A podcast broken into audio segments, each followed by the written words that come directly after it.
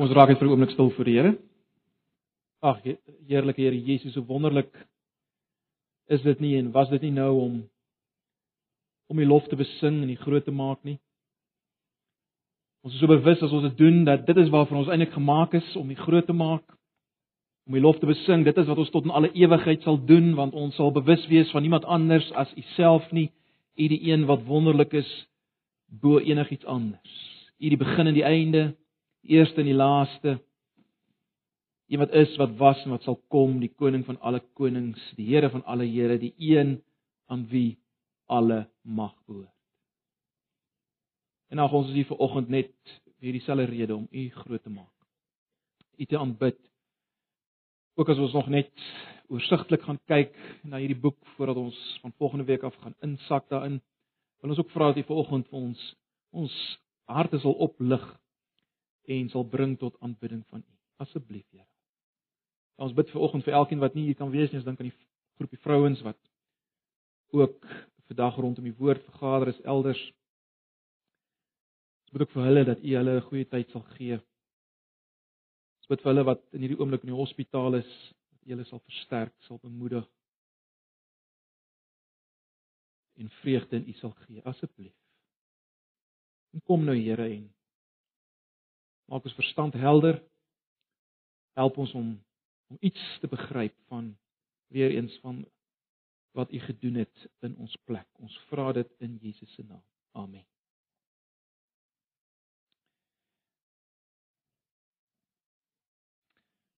En goed julle, ons het uh, verlede Sondag begin met 'n inleiding van die boek Hebreërs en ons gaan volgende dit voortsit. So ons gaan nou nog nie vanoggend insak in die teks self nie. Uh, die lekker van die Nuwe Testament natuurlik dat andersins as met die Ou Testament kan ons werklik vers vir vers uh teks vir teks ingaan en in in die argument van die skrywer volg waar ons in die Ou Testament groter gedeeltes moet aan moes hanteer. Maar vanoggend wil ek uh, net afsluit met ons inleiding waarmee ons nou verlede Sondag begin het. Inleidende opmerkings uh, oor oor die, die boek Hebreërs en uh ek vertrou maar net dat dit julle sal opgewonde maak oor hierdie boek lus sal maak vir die boek en lus sal maak uh, om in te delf in die boek. En as jy nog nie deel is van 'n selgroep nie, word deel van een. Jy weet uh, ons het nou vanoggend gepraat van materiaal wat daar beskikbaar is. Uh, ons gaan indelf in hierdie boek en uh, ek hoop ons raak vanoggend weer bewus van die feit dat ons elkeen het dit nodig. Ons elkeen het nodig om om besig te raak met hierdie boek Hebreërs.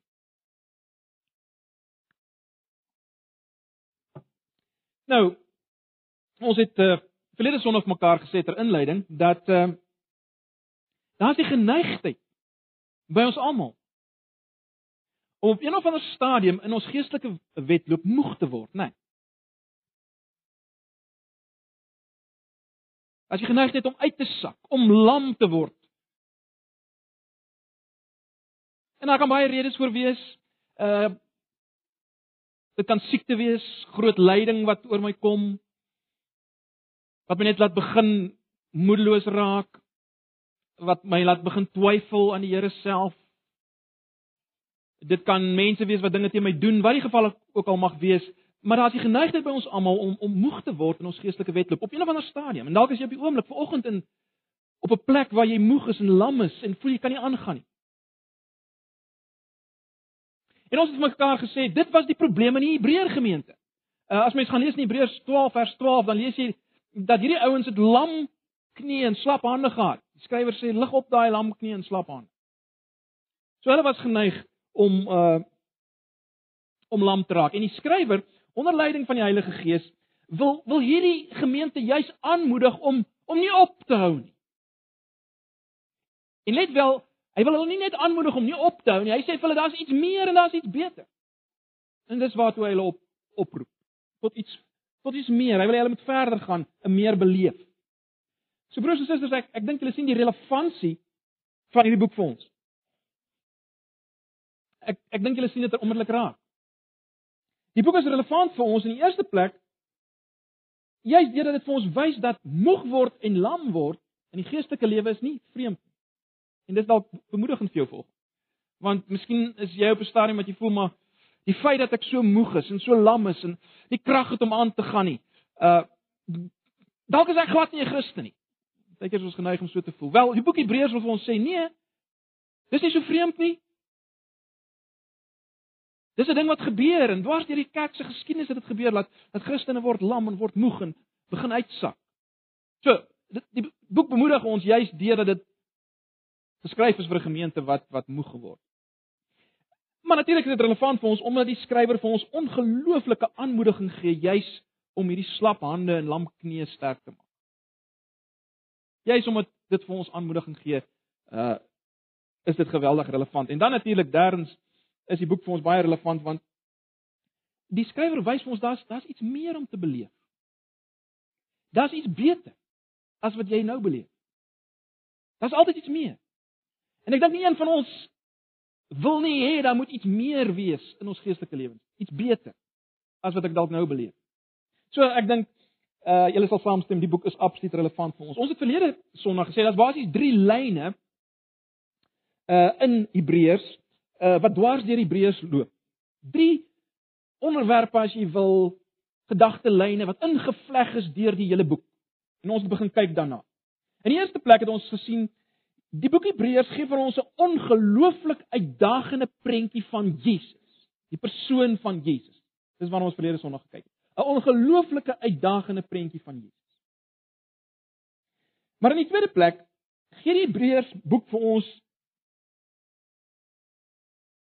'n nuwe manier om na die Ou Testament te kyk.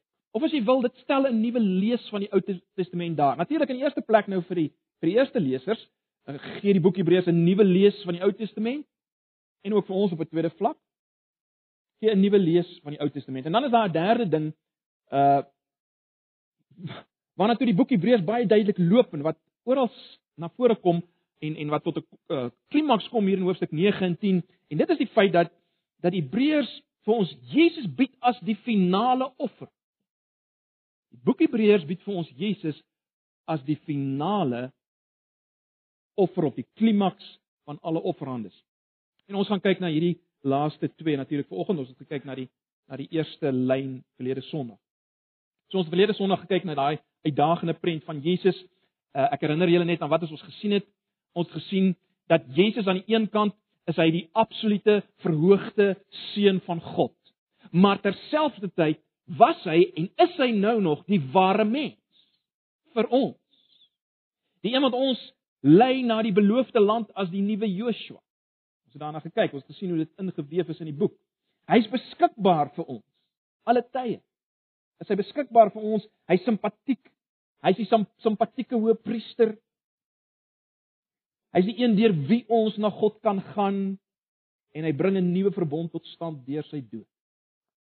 Hy het die pad geloop van menslike lyding, van jou en my lyding. Hy het daai pad geloop. Maar hy's nou verhoog aan die regterhand van God. En daarom is hierdie Jesus het ons gesien eindig Hebreërs 13, is hy gister en vandag en tot in alle ewigheid dieselfde.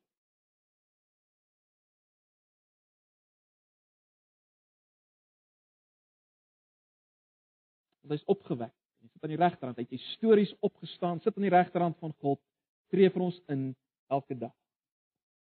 So hy is gister en vandag en tot in ewigheid dieselfde. En nou nou is hy die die groot herder van die van die kudde. Dit is hoe Hebreërs 13 eindig, né, wat uh wat ons lei. So broers en susters, as jy moeg word in jou geestelike lewe en as jy dalk moeg is vanoggend, kyk na Jesus. Hou op na mense te kyk. Hou op om te verwag mense gaan jou laat beter voel geestelik. Hoe op om mense te probeer beïndruk. Dalk is dit jy hoekom jy moeg is. Jy wil mense beïndruk. Jy wil mense navolg. Hebreërs kom roep ons op, kyk na Jesus. Hebreërs 12 vers 1, onthou julle. Kyk na Jesus. Dit is die eerste lyn wat ons kry in Hebreërs. Dan die tweede lyn waarna ons volgende nou gaan begin kyk, is die feit dat Hebreërs vir ons 'n nuwe lees bied van die Ou Testament. 'n Nuwe lees van die Ou Testament. Van die redes dink ek hoekom ons dikwels sukkel met Hebreërs is is is bloot omrede die Ou Testament nie meer so bekend is aan ons soos dit was nie. Behoort te wees. Terloops, dis hoekom ons Genesis al gedoen en dan Eksodus gedoen het. Eindelik moes ons na regte Levitikus gedoen het voor ons Hebreërs doen. Ehm um, maar nee, ons sal ons sal kyk, dalk kom ons nog eendag daarby uit. Maar dis hoekom ons eers die Ou Testament wil doen. Maar selfs as jy die Ou Testament uh, gedoen het soos ons dit gedoen het, bly die manier waarop die skrywer die Ou Testament gebruik soms nog steeds vir ons vreemd in Hebreërs. Ons ons weet nie lekker altyd wat gaan aan nie. Maar as mens eers begin verstaan wat hy eintlik wil doen, deur sy gebruik van die Ou Testament dan raak dit maklik. As jy eers begin agter die kap van die byl kom van wat wil hy eintlik doen met sy gebruik van die Ou Testament dan raak dit makliker. En en broers en susters, die skrywer van van die Hebreër uh, brief wil baie duidelik die Ou Testament voorstel as 'n storie wat nie klaar was nie. Die skrywer van die Hebreërboek wil die Ou Testament voorstel as 'n 'n boek wat 'n storie wat nie klaar was nie, wat wat wag om 'n einde as jy wil. Wat 'n laaste hoofstuk nodig het. Wat 'n laaste hoofstuk nodig het. Uh, of as jy wil, dit kan vergelyk word die Ou Testament kan vergelyk word met 'n pad uh wat gebou is en nog nie klaar is nie, hy stop op 'n punt. Maar dan's daar bordjies wat vir jou wys waarna toe gaan hierdie pad jou vat. As hierdie pad nou eendag klaar is, gaan hy jou na daai plek toe vat en so en so en so. Maar die pad is nog nie klaar nie. Die Ou Testament kan kan met so 'n pad vergelyk word. Uh Hebreërs wil wil dit so voorstel dat die Ou Testament is soos hierdie pad sonder die finale deel, maar as wel bordjies in die Ou Testament wat vir jou sê wat gaan kom.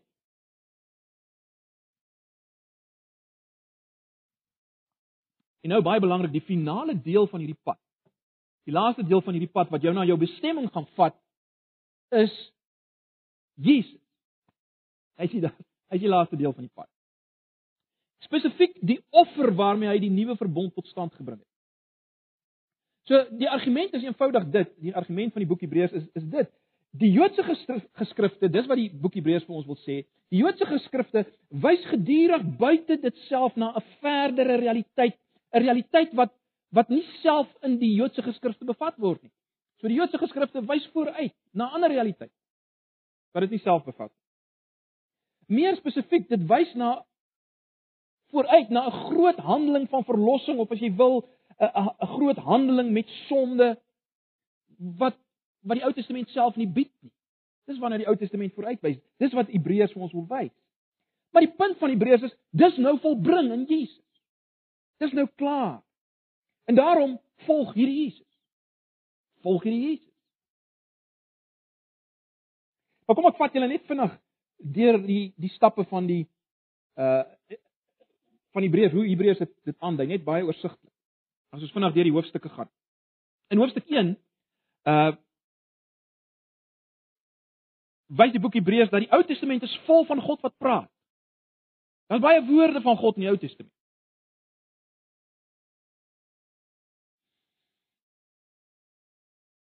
Maar nou kom die Hebreërbrief en sê maar daar het nou 'n laaste finale een woord gekom van God. En dis Jesus.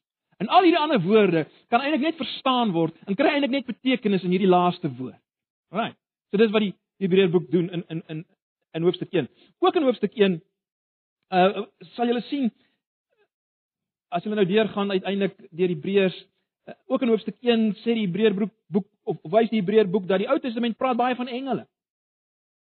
Hierdie ongelooflike wesens en en verseker het die het die Jode daarop geroem dat daar so baie engele verskyn het in die Ou Testament aan die volk. Terloops daar was die tradisie gewees dat die wet op Sinai is, is deur bemiddeling van engele gebring. Uh ons sien iets daarvan in Hebreërs 2 vers 2, die, dat die wet deur bemiddeling van engele gebring. En nou kom die Hebreërs skrywer en hy sê maar wat wag? Hierdie engele was nog altyd bedoel om uiteindelik aan Jesus onderworpe te wees. En mens kan natuurlik verstaan as daardie gedagte was dat dat die engele daar was as bemiddelaars om die om die wet te gee, uh dis hoekom as Jesus groter is as hulle, dan is Jesus baie groter as hierdie wet wat gegee is en en dis waarna toe die skrywer beweeg. Maar vir my en jou broer en suster, as as jy opgewonde raak oor engele en en graag meer wil weet oor engele en besig wil wees met engele, wel, die Hebreërboek kom sê vir jou Daar's baie meer. Daar's Jesus. Hy's baie meer as engele. Baie meer indrukwekkend. So, dis dis wat die Hebreërboek kom wys. Wat die Ou Testament gepraat oor engele, wel hulle is ondergeskik aan Jesus. Hulle is eintlik daar vir Jesus. Dis hoofstuk 1 en wel hoofstuk 2 wys die Hebreërboek dat die Ou Testament praat uh by tye van die hele wêreld wat onderworpe is aan die heerskappy van die mens. Uh die die skrywer haal daar in hoofstuk 2 haal hy uit die psalms uit aan om dit te wys dat die, die Ou Testament praat van die wêreld wat onderworpe is aan die mens. Maar dis verseker nie waar in die algemeen nie. Ons ons sien dit nie regtig nie. En en daarom kom die Hebreërbrief uh, uh, uh, die Hebreërs skrywer en hy sê wel daai waarheid het waar geword in die troonbestyging van Jesus. Dis waar mense dit sien dat die wêreld onderworpe is aan die mens. Jy sien dit in hierdie een mens, Jesus, as hy sy troon bestyg. Dis in hoofstuk 2. In hoofstuk 3 en 4 verwys die skrywer daarna dat die Ou Testament praat van die sogenaamde rus van God. Maar wys die skrywer in die Hebreërbrief daardie rus is selfs nie ten volle beleef in die land nie. Daarna is daar sprake van nog 'n rus. En daardie rus, daai werklike rus van God word eers gevind in Jesus. Dis hoofstuk 3 en 4. Dan in hoofstuk 5 tot 7 wys die skrywer dat die Ou Testament praat in die Psalms byvoorbeeld, praat die Ou Testament van 'n koning wat ook 'n priester is. Maar volgens die die kategorieë van die Joodse priesterskap kan dit tog nie wees nie. Hoe kan dit wees? Hoe kan dit wees? Dat daar 'n koning is wat ook 'n priester is. Wel, die antwoord van die Hebreërboek boek is dis moontlik in Jesus. Dis moontlik in Jesus. Dis hoofstuk 5 tot 7. En dan in eh, hoofstuk 8 tot 10 wys die skrywer dat die Ou Testament praat van 'n beter verbond wat gaan kom. Mens dink aan Jeremia 31 byvoorbeeld. 'n Beter verbond, 'n nuwe verbond waar daar met met sonde gehandel sal word eens en vir altyd. En daarom is dit baie duidelik dat die ou verbond, dit is nou die verbond wat gesluit is op Sinaï, die een waarvan ons gepraat het in Eksodus, dis nou is iets anders bietjie as die Abraham verbond, né? Maar hierdie ou verbond was met ander woorde tydelik. Was 'n tydelike ooreenkoms.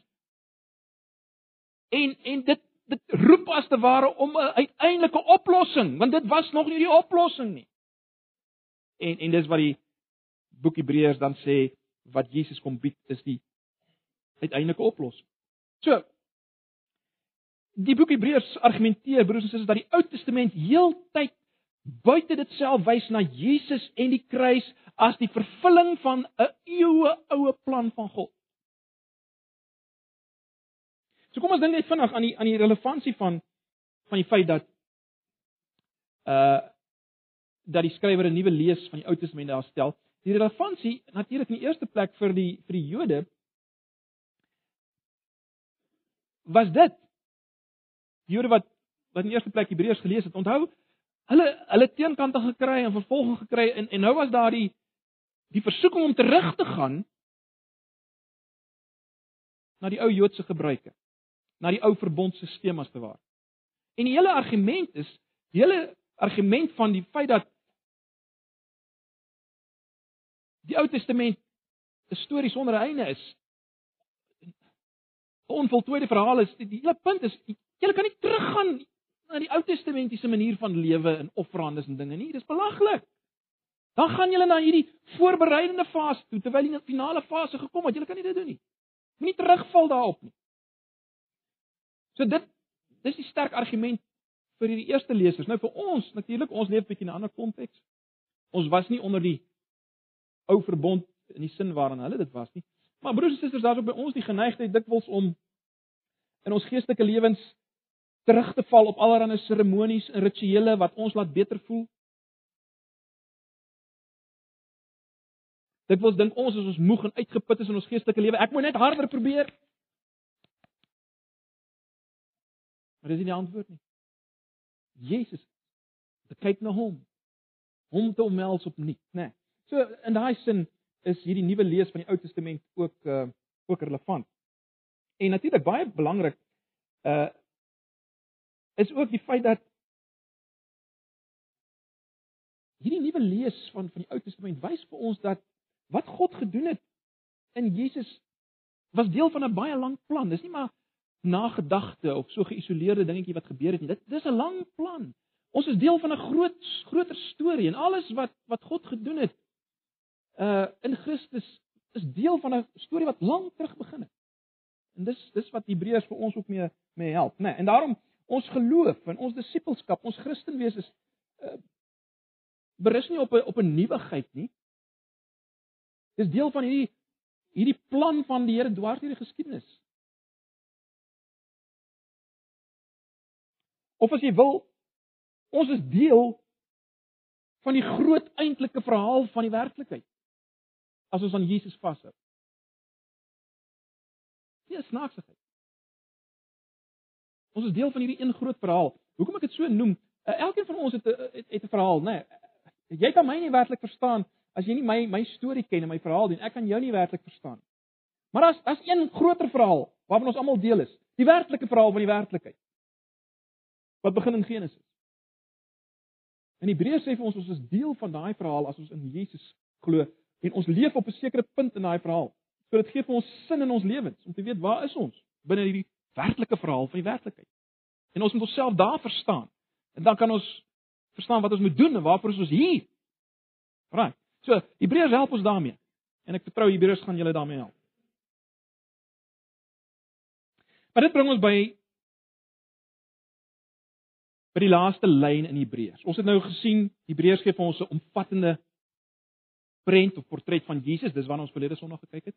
Ons het nou gesien Hebreërs stel vir ons 'n nuwe lees van die Ou Testament daar. En nou derdens en laastens Hebreërs bied vir ons Jesus as die finale offer aan. Ons het verlede Sondag mekaar gesê ons sukkel bietjie met hierdie offer ding, né? Dis 'n bietjie ver van ons lyf af. Ons verstaan dit nie so lekker nie.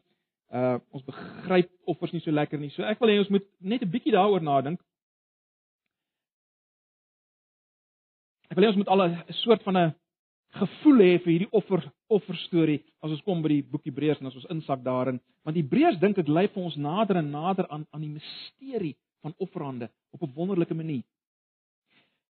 Kom ek probeer so help en ek hoop dit help, ek hoop dit maak julle dit mekaar nie, maar as ons dink aan offers, is daar basies 3 elemente in offers aanwesig. Of as jy wil, daar's 3 dinge wat wat onder hierdie offers lê. Drie betekenisse wat onder hierdie offers lê wat ons in gedagte moet hou as ons nou Hebreërs gaan bestudeer en uiteindelik na Jesus se offer gaan kyk. Daar's drie dinge. Eerstens is daar in die offers die gedagte geleë dat mense iets waardevol en iets rein aan God offer as 'n teken, let wel, as 'n teken van die dankbare gee van hulle lewens aan hom, die offer van hulle lewens aan hom en aan sy diens. So so die offer is 'n teken daarvan. En dan hoor as ek offer sê ek daarmee ek behoort aan U. Ek is daar vir U diens. Julle sal weet dat uh in in Hebreërs maak dit baie duidelik. Uh Hebreërs self maak dit baie duidelik dat die mens is gemaak om onder God te wees, onder God te staan en oor die wêreld as te ware te wees.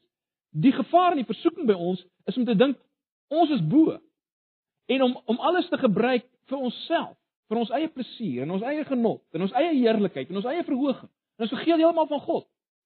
Terloop dis dis waarmee die Satan Jesus versoek het, né? Nee. Maar dis ons dis ons versoeking. Dis dis die gevaar. Nou as 'n mens nou dink aan die offerande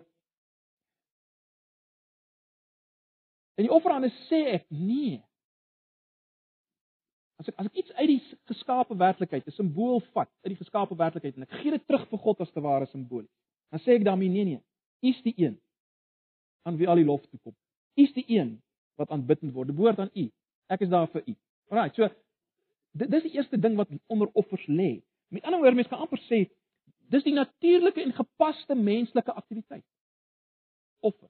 Dis wat ons behoort te doen. OK, so dis die eerste gedagte wat onder offers lê. Dan in die tweede plek in offers. Dis of jy die bloedvloei as offers gebring word, né? Nee. Nou in offers simboliseer daardie bloed van die dier dat ons lewens geneem moet word as gevolg van ons sonde. As gevolg van ons boosheid en ons onreinheid moet ons lewens geneem word.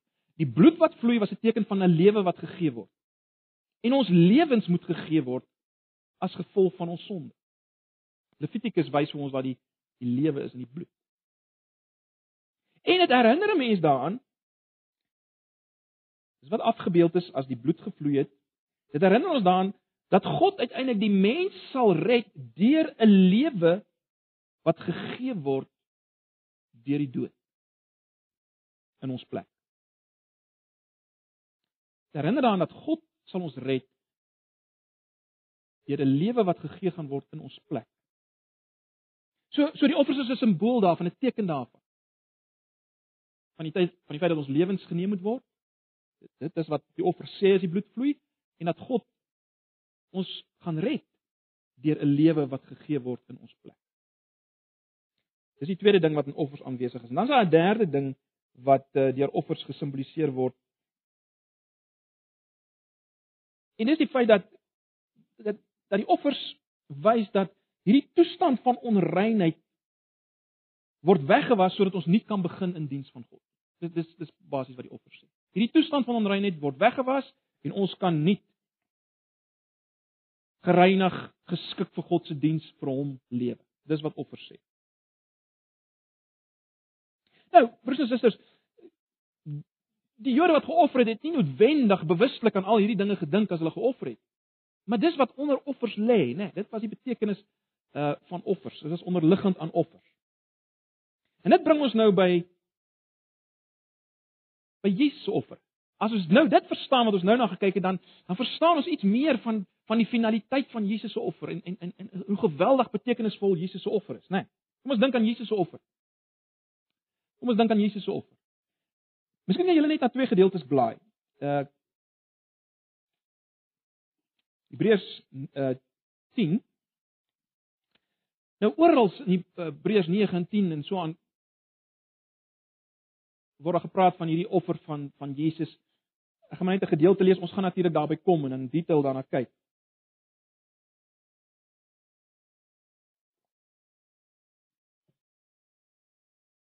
Kom ons lees net vanaf Hebreërs 10 vanaf vers 5. Ek dink ek het dit daar op die PowerPoint ook julle. Ek ja, Hebreërs 10 vanaf vers 5. Daarom sê Christus met sy koms in die wêreld, dis nie diereoffers en graanoffer wat u wou hê nie, maar die liggaam wat U my gegee het, brandoffers en sondeoffers het U nie behaag nie. Toe het ek gesê, kyk, ek het gekom o God om U wil te doen. In die boekrol is vir my geskrywe. Eers sê hy, diereoffers en graanoffers, brandoffers en sondeoffers wou U nie hê nie en het U nie behaag nie, hoewel hierdie offers deur die wet voorgeskryf word. Daarna sê hy, kyk, ek het gekom om U wil te doen. Hy skaf dus die eerste offers af om 'n ander offer in die plek daarvan te stel Omdat God dit so wou, is ons vir hom afgesonder deur dat Jesus Christus sy liggaam as offer gebring het eens en vir altyd. Eens en vir altyd. Kom ons lees ook net as jy net teruggaan na Hebreërs 9. Hebreërs 9 vers 13 en 14. Wanneer die bloed van bokke en bulle en die as van 'n vers op die onreine gesprinkel word, maak dit hulle uiterlik rein. Hoeveel te meer sal die bloed van Christus ons gewete bevry van die las van dade wat tot die dood lei sodat ons die lewende God kan dien. Hiervoor het immers het Christus immers homself as die volkomme offer deur die ewige Gees aan God geoffer.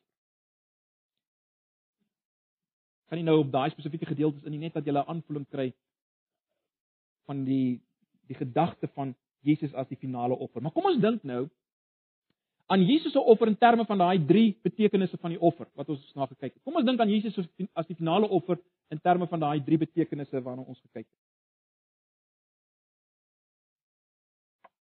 Ja, kom ons gaan net net een terug, een PowerPoint terug.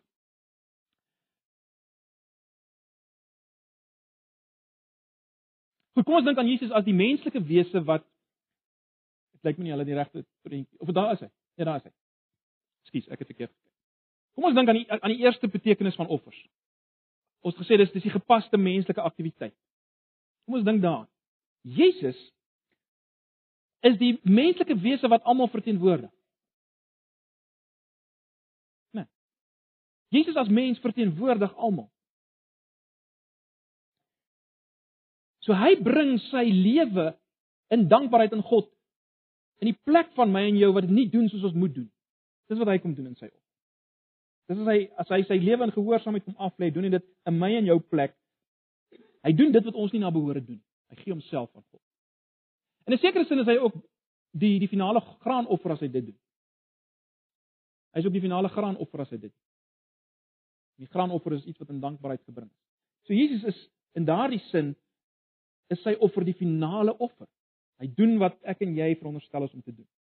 Maar wat die tweede aspek betref, as Jesus se bloed vloei, dan word sy lewe in my en jou plek geneem vir ons sonde teen God. God in sy regverdigheid, God in sy heiligheid moet sonde met die dood straf. As Jesus se bloed vloei, is dit teken dat hy dit in ons plek doen. Ek wil net met vir 'n oomblik dink aan hierdie word verskillende name genoem. Party mense noem dit die soenoffer of die sondoffer of die sondeoffer. Lyk my die nuwe vertaling praat van die sondeoffer. Dink vir 'n oomblik aan die sondeoffer in die Ou Testament, waarvan ons lees eh, byvoorbeeld in Levitikus 16 is dit is dit in besonderhede geskryf. Maar lees 'n bietjie Levitikus 16 vandag. Dink 'n bietjie aan hierdie sondeoffer. Kom ons noem dit maar die sondeoffer.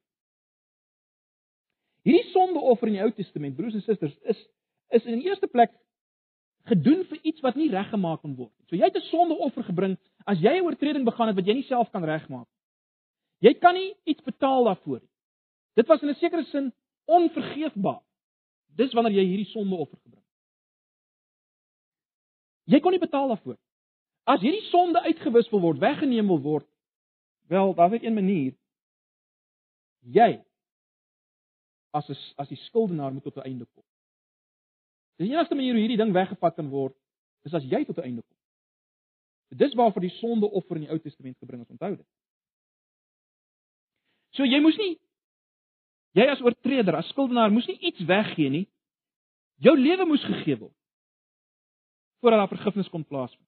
En dis wat gesimboliseer word dan in hierdie sondeoffer, né? Nee. As jy jou hande lê op daai bok, die sogenaamde sondebok, dan sê jy daarmee ek dra myself oor, nie net my sonde nie, let wel. Baie belangrik, baie belangrik. Ek dra nie net my sonde oor op hierdie sondebok nie, as ek my hande daarop lê nie. Ek dra myself oor op hierdie sondebok. So dis baie belangrik om dit te onthou. Maar verder meer moet ons onthou dat dat hierdie dood wat plaasgevind het as die bok geslag word, uh dit het nie net 'n uitwissing gesimboliseer nie. Dis nie wat dis nie dis nie wat alleen gesimboliseer is gewys is deur hierdie offer dat dan maar net uitwissing plaasgevind het. Met ander woorde wat ek probeer sê is dit. Dis nie 'n geval dat die sondaar vir homself verzoening gedoen het. Met ander woorde, uh hy het homself oorgedra op hierdie bok deur sy hande op te lê en en dan het hy die bok doodgemaak en dan het hy nou verzoening vir homself gedoen deur hierdie uitwissing wat plaasgevind het. Want wat wat wat wat sou dit dan beteken? Dan sou dit beteken jy bring jy maak verzoening vir jou eie sonde.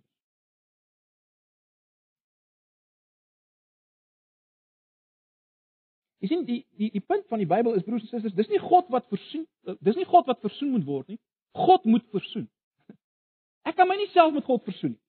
So as as die offer maar net beteken het ek dra myself oor en ek maak die dier dood, ek het nou myself versoen met God deur hierdie uitwissing wat plaasgevind het. Dis nie wat wat afgebeeld word in die offers. Dis nie wat afgebeeld word. Luister mooi, wat afgebeeld word is dit. Wat afgebeeld word is die feit dat God in sy heiligheid draai homself as te ware na hierdie offerdier.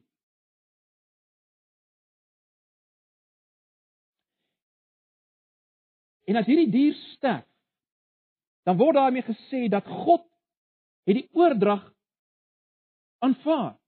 Hy het die dier laat sterf en nie vir my nie. Dis wat afgebeeld is deur hierdie offer. Ek leef.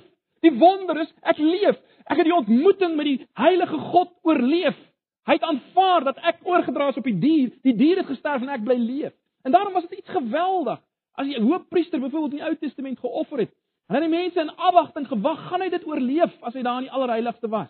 En blykbaar het hy klokkies gehad aan sy klere. En as hy hoor tingeling tingeling, die klokkies kom aan. Die ongelooflike is hy bly leef. God het aanvaar dat iets in sy plek te sterf. Sy lewe is oorgeplaas en God het dit aanvaar. So dis geweldig. Dis geweldig. Nou.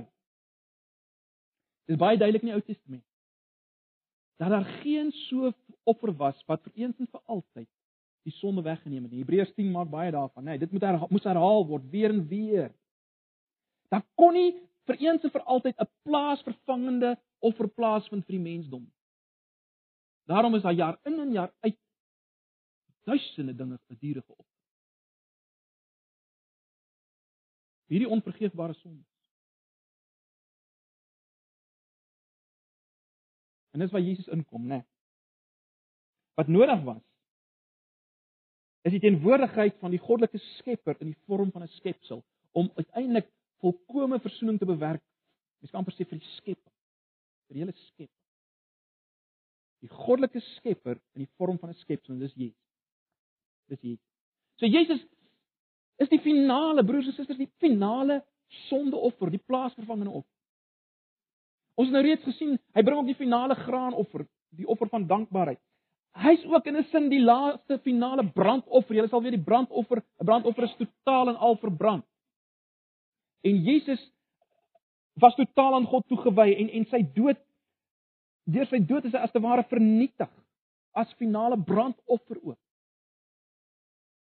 Mense sou self kon selfs kon sê Jesus is ook die finale gemeenskapsoffer van die Ou Testament. Gemeenskapskapsoffer is die offer wat geëet is in die teenwoordigheid van God. En wat sê Jesus op aarde? Hy sê julle moet my vlees eet en my bloed drink. Hy's ook die finale gemeenskapoffer. En so kan ons aangaan.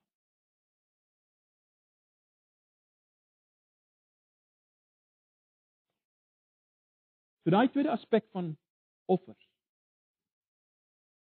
Lewe wat gegee word in my plek. Jesus kom vervul daai deel van offers volkome. Vir my en jou. Finale sondeoffer, finale brandoffer, finale gemeenskapsoffer. Ons het gesê die derde aspek in offers is is die feit dat dit wys dat ek nou rein is om God te kan dien. Nou, in die Ou Testament was offers die manier waarop die aanbidder uiterlik gereinig is, nê. Nee, die ouens kon kon onrein word deur verskillende goeders, deur deur fisiese dinge kon jy onrein word, deur die effek van jou sonde kon jy onrein word. En die offer het gesê ek is nou weer ek is nou weer so rein dat ek kan ek kan kom in die teenwoordigheid. Die Hebreërboek wys dat Jesus se offer het 'n baie dieper reiniging gebring, né? Nee, baie dieper reiniging. Jesus se offer raak ons diepste persoonlikheid. Hy reinig die kern van ons persoon wees en daarom kom die skrywer van Hebreërboek en hy lê klem daarop sy bloed reinig ons gewetens van skuld. Jou my gewete kan gereinig word. Daardie herinnering van ek maak dit nie, ek is skuldig. Ek is 'n sondaar, ek het verkeerd. Jesus kan daardie gewete kom reinig. En dis wat hy doen deur sy offer. Hy kom bring 'n diep, diep reinig. In Hoofstuk 9 vers 14 lees ons dit, ons het dit nou net gelees. In Hoofstuk 10 vers 2, in Hoofstuk 10 vers 22 en weer in Hoofstuk 13 vers 18 lees ons dit. Jesus bring 'n diep, diep reinig. As ons na na dit het gebeur in Jesus se offer as hy homself kom offer as priester, as ons daaraan dink, bietjie weier Bybels teologies. Kom ons dink net vinnig daaraan. Kom ons dink daaraan Bybels teologies. God het die menslike ras gekies. Die mens mens as wese gekies om as jy wil priesters te wees van die hele skepping. Dis hoekom God die mens gemaak het. Om priesters te wees van die hele skepping. Met ander woorde, die mens moes as te ware die skepping se aanbidding aan God bring. Dis waarvoor God die mens gemaak het. Om eenvoudig te stel. Dis wat dis waarvoor die mens daar is. Om aanbidding van God te bring. Die aanbidding wat die skepping hom moet bring. Die mens moet dit vir God bring. Maar ons weet wat gebeur. Die die mens val in sonde. En dan kom God en hy kies die volk Israel. Onthou julle as 'n koninklike priesterdom in Eksodus. Israel moes nou Israel moes nou priesters wees van die mensdom om om menslike lof van God te bring en in 'n sekere sin om God se oplossing vir sonde in werking te stel.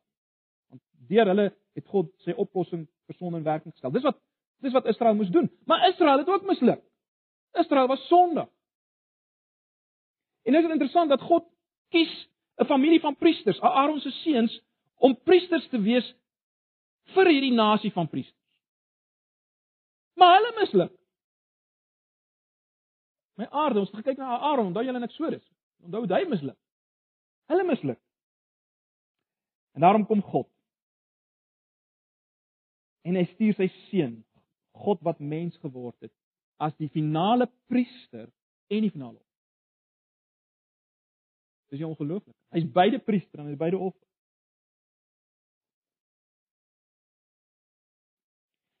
Ag broers en susters, om alles op te som wat Jesus van Jesus as finale offerande. Ek en jy moet as te ware so daaraan dink. In daardie oomblikke as Jesus sterf aan die kruis, in daardie oomblikke offer ek en jy onsself aan God in die persoon van Jesus. In daardie oomblikke gebeur al drie elemente van wat in offers aanwesig is. Al drie daai elemente wat in offers aanwesig is, vind plaas daardie oomblik as Jesus 2000 jaar gelede sterf aan die kruis as finale offer, as hy as priester homself kom offer. In daardie oomblikke gebeur dit. Bring ek en jy dit in hom. Dit is dis vir ons te veel om te verstaan. Maar die boek Hebreërs wil ons vat so intoe. Of ons sê dis wat daar gebeur het in Jesus se offer. Geweldig. En die resultate van dit wat daar gebeur het in Jesus se offer, is dat werklike lewe nou moontlik is. Want ons gewetens kan gereinig word. En nou kan ons werklik weer onsself wy aan aan diens vir God as gereinigdes en dis waarvoor ons gemaak is. Dis die lewe. Vry van skuldgevoelens, vry van vrees kan ons onsself wy in diens aan God, want die offer was volkome. En dis lewe. Dis waarvoor ons gemaak is. Ag broers en susters, ons moet onsself die vraag afvra, lewe ons werklik? Lewe ons werklik? Ek weet ons al asem en ons slaap en ons speel en ons werk, maar is dit regtig lewe, die lewe wat God vir ons bedoel het? Is ons nie maar net gekultiveerde diere as ons dit doen nie? Kyk, ons weet diere leef maar net uh, ten diepste gedryf deur hulle instinkte, né? Is dit nie maar hoe ons lewe dit? Ja, ons ons ons loop regop waar die hondjie in my huis op sy vier bene rondhardloop, maar en ons dra klere en ons koop vir ons die nuutste leksede en dan noem ons dit kultuur ensovoorts, maar die vraag is word ons nie maar net gedryf deur ons sintuie en beheer deur ons begeertes? Is dit nie maar wat ons waaruit ons lewe bestaan nie? Saam met ons skuldige gewetens. Dan die Hebreërboek daag ons uit, kom kry lewe. Dis wat vir jy gemaak het. So, ek sluit af met 'n laaste paar gedagtes. In 'n sekere sin is dit my ironies, broers en susters, dat binne hierdie boek wat wat ons soms so vreemd vind, omdat dit geskryf is teen 'n agtergrond wat vir ons vreemd is. Binne hierdie boek wat vir ons soms so vreemd voel, is daar die ongelooflikste nuus wat miljoene mense desperaat nodig het om te hoor of desperaat wil hoor. Al besef hulle dit nie eers altyd. Die nuus dat dat my skuld weggewas kan word. Die nuus dat ek lewe kan kry. Die nuus dat my gewete gereinig kan word. Dis dis die nuus wat die wêreld nodig het, is dit nie? En dis dis dit dit lê hier in hierdie boek. Dis absoluut relevant en nie. Ek kan met 'n skoon gewete God begin dien want as gehandel met my skuld. Is dit nie hoekom ons dit wil sukkel om te lewe as Christene nie, want ons gewetens plaas te veel. Maar Boek Hebreërs sê hy kom reinig ons gewetens. So. Broers en susters, wat bring die boek Hebreërs vir ons? Wel, baie eenvoudig. Die boek Hebreërs bring vir ons Jesus. Die boek Hebreërs bring nie vir ons klomp reëls en regulasies wat ons weer moet nakom nie. Dit bring bring vir ons Jesus. Dit bied vir ons die Jesus wat hier is om ons te help. Hoekom? Omdat hy een is met ons. Hy's een van ons en hy het die pad voor my en jou gestap. Dis wat Hebreërs vir ons wys. Hebreërs bring vir ons die Jesus wat die nuwe verbond ingelei het. Wat die eeue oue plan van God tot vol vervolmaking gebring het. Dis die Jesus wat ons kry in Hebreërs. Hy bring vir ons bo alles, het ons nou gesien, Jesus die finale offer. Dis wat Hebreërs vir ons bring. Die Jesus wat gedoen het dit wat ons nie vir onsself kan doen. Dis die Jesus wat Hebreërs vir ons bring. Die een wat die lewe geleef het wat ons nie kan leef nie, wat die dood gesterf het wat ons nie kan sterf nie, die dood onder God se oordeel en die een wat nou altyd leef om vir ons in te tree, elke dag, elke oomblik. Dis die Jesus wat Hebreërs ons bring. En omdat hierdie Jesus vir ons gebring word, dis hoekom daar iets meer is vir my en jou. Dis hoekom daar iets beter is vir my en jou. In ons geestelike lewe. Is interessant en daarmee sluit ek af. In die boek Hebreërs uh kry ons heeltyd hierdie hierdie gedagte dat daar's iets beter, daar's iets meer. Ek het dit net so vinnig daar aangestip. Ons lees byvoorbeeld in hoofstuk 7 vers 7 dat Jesus is 'n beter priester. Maar ons lees dat sy volgelinge het 'n beter hoop. Omrede hulle betrokke is in die seun se beter verbond. Hoofstuk 7 vers 22 en 8 vers 6.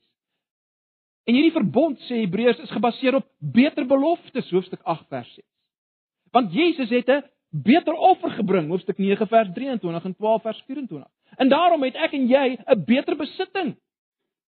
'n Beter erfenis hoofstuk 10 vers 34. Ons het 'n beter land. Wat ons gaan beerf hoofstuk 11 vers 6. Daar's 'n beter opstanding wat vir ons wag, 'n beter voorreg. Broers en susters, dis wat Hebreërs vir ons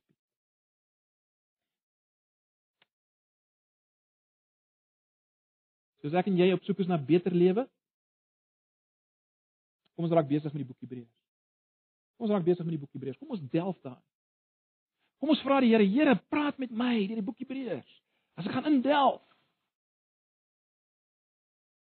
Lig my op, maak my lam hande sterk en my slap knieë. Wat is teenoorgestel, nee. Maak nie saak. Lig my op, maak my sterk deur die boek Hebreërs gaan 'n paar oomblik van gebed gee. Laat dit net weer eens. Ek weet ons het dit verlede Sondag uh, ook gebid. Kom ons vra weer, Here, as ons nou gaan begin met hierdie boek Hebreërs. Ons is nou klaar met die inleiding. En volgende Sondag gesak ons in met die eerste 5 verse.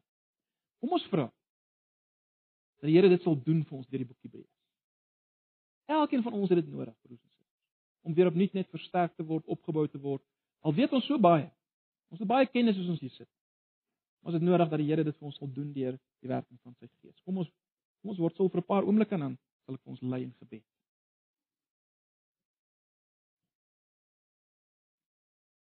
Here Jesus, ons kom net vir oggend na U kom en ons wil kom met 'n verwagting. Here, U ken elkeen van ons, U weet waar ons is geestelik gesproke. U weet dat die meeste van ons gee voor dat dit beter gaan met ons as dit werklik gaan. U weet dat die meeste van ons baie baie sukkel in ons geestelike lewens. Nie by u uitkom soos moet nie, moeg is, lam is, nie meer entoesiasties is oor u nie, u weet dit. U ken ons. Al steek ons dit so goed weg vir ander. In my gebed vir myself en vir elkeen van ons wat hier sit is vanoggend is is dit dat u sal kom en hierdie boek sal gebruik. Here in my eie lewe dit sal gebruik in my lewe en ons elkeen se lewens om ons werklik te bring by 'n omhelsing van van u self weer en dat ons die beter die meer van die nuwe verbond prakties sal begin beleef in ons eie lewens lewens van ons gemeente Ag Here asseblief vat ons weg van al ons ou ritueeltjies en al ons ou dingetjies wat ons probeer doen om U te beïndruk en mekaar te beïndruk en lei ons op 'n nuwe en lewende weg. Die pad na die allerheiligste elke dag in u teenwoordigheid deur Jesus. Asseblief, dis my gebed. Ag Here. Baie dankie dat ons juis vanoggend met vrymoedigheid kan kom omdat u so finale volkome offer gebring het in ons plek. En daarom kan ons vanoggend maar net vra weer eens op grond van daardie offer. Vergewe ons.